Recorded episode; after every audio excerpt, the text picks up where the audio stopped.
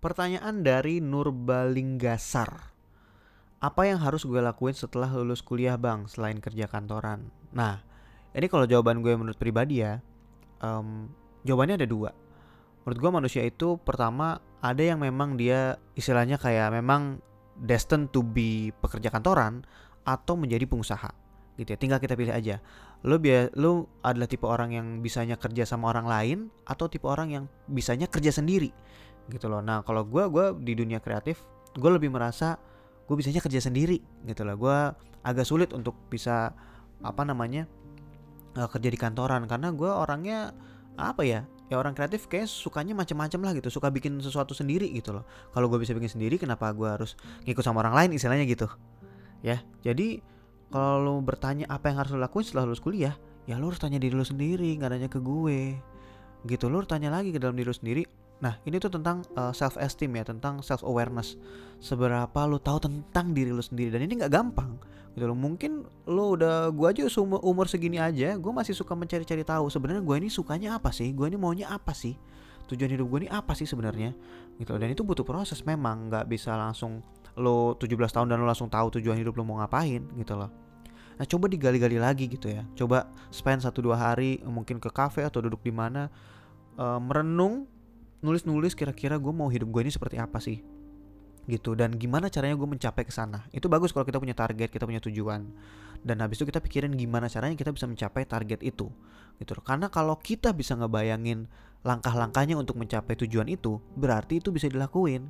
Gitu ya.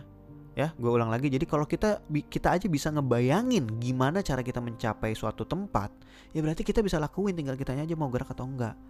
Gitu loh. Nah lo ini mau jadi apa lo mau jadi pengusaha atau lo mau jadi pekerja di kantoran aja yang aman santai gitu ya resikonya lo mungkin lebih kecil daripada jadi pengusaha yang resikonya uh, lebih tinggi nggak tahu dapat gaji atau enggak dapat kerja atau enggak gitu loh tapi dua-dua ini bisa dipelajari gitu loh. Ada gue punya temen juga yang dia sebenarnya udah mentalnya pengusaha banget. Tapi dia kerja kantoran dulu. Ngapain? Buat belajar buat nyari pengalaman nyari experience. Oh gini ya ternyata gue yang selama ini dominan. Oh gini rasanya gue diperintah sama atasan gue. Oh gini rasanya gue harus respect sama atasan gue. Belajar kayak gitu.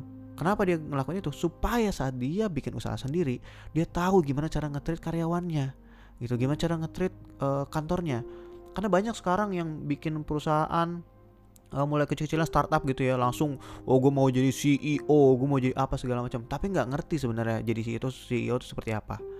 Nah kerja di kantoran kita bisa belajar seperti itu gitu. Kita bisa mencari pengalaman dan melihat sistem kantoran itu seperti apa sih karena beda dengan sekolah dan kuliah gitu loh. Bisa tipe yang kayak gitu cobain aja dua-duanya. Cobain dulu kerja di kantoran bisa setahun dua tahun oh kayaknya gue memang nyaman seperti ini gitu. Tapi kalau misalnya nggak nyaman ya mungkin lo bisa keluar dan coba cari lagi coba membuat uh, apa namanya bisnis misalnya gitu.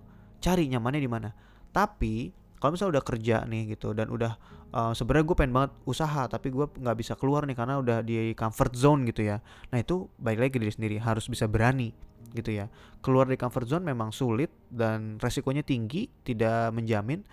Tapi ya kalau lo mau mencoba sesuatu dan lo percaya akan itu ya lo harus lakuin keluar dari comfort zone biasanya ada juga uh, pepatah yang bilang uh, kita kayak monyet gitu ya yang lagi gelantungan di pohon sebelum kita ngelepasin uh, tangan kita nih di pohon sebelumnya tangan kita yang satunya udah megang uh, pohon berikutnya dahan pohon berikutnya sebelum kita lepas. Jadi itu adalah salah satu trik amannya gitu ya. Jadi sebelum kita meninggalkan uh, istilahnya kita mau dari pekerjaan kantor mau pindah jadi entrepreneur gitu. Nah, saat kita kerja kantoran, kita at least udah coba dulu nih jalani dulu bisnisnya kecil-kecilan sampai kira-kira udah cukup aman, baru kita lepasin nih yang dari yang kita resign dan kita coba fokus untuk di pekerjaan yang bisnisnya ini. Ya, kira-kira gitu ya. Thank you buat pertanyaannya Runur Balinggasar. Ya, semoga menjawab pertanyaannya ya. Thank you. Buat kalian-kalian yang mau ikutan tanya juga, bisa cek Instagram gue @benakribo.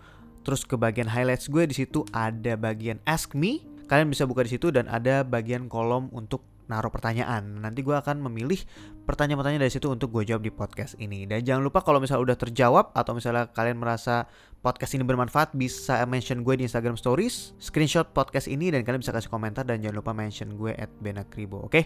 thank you and bye bye.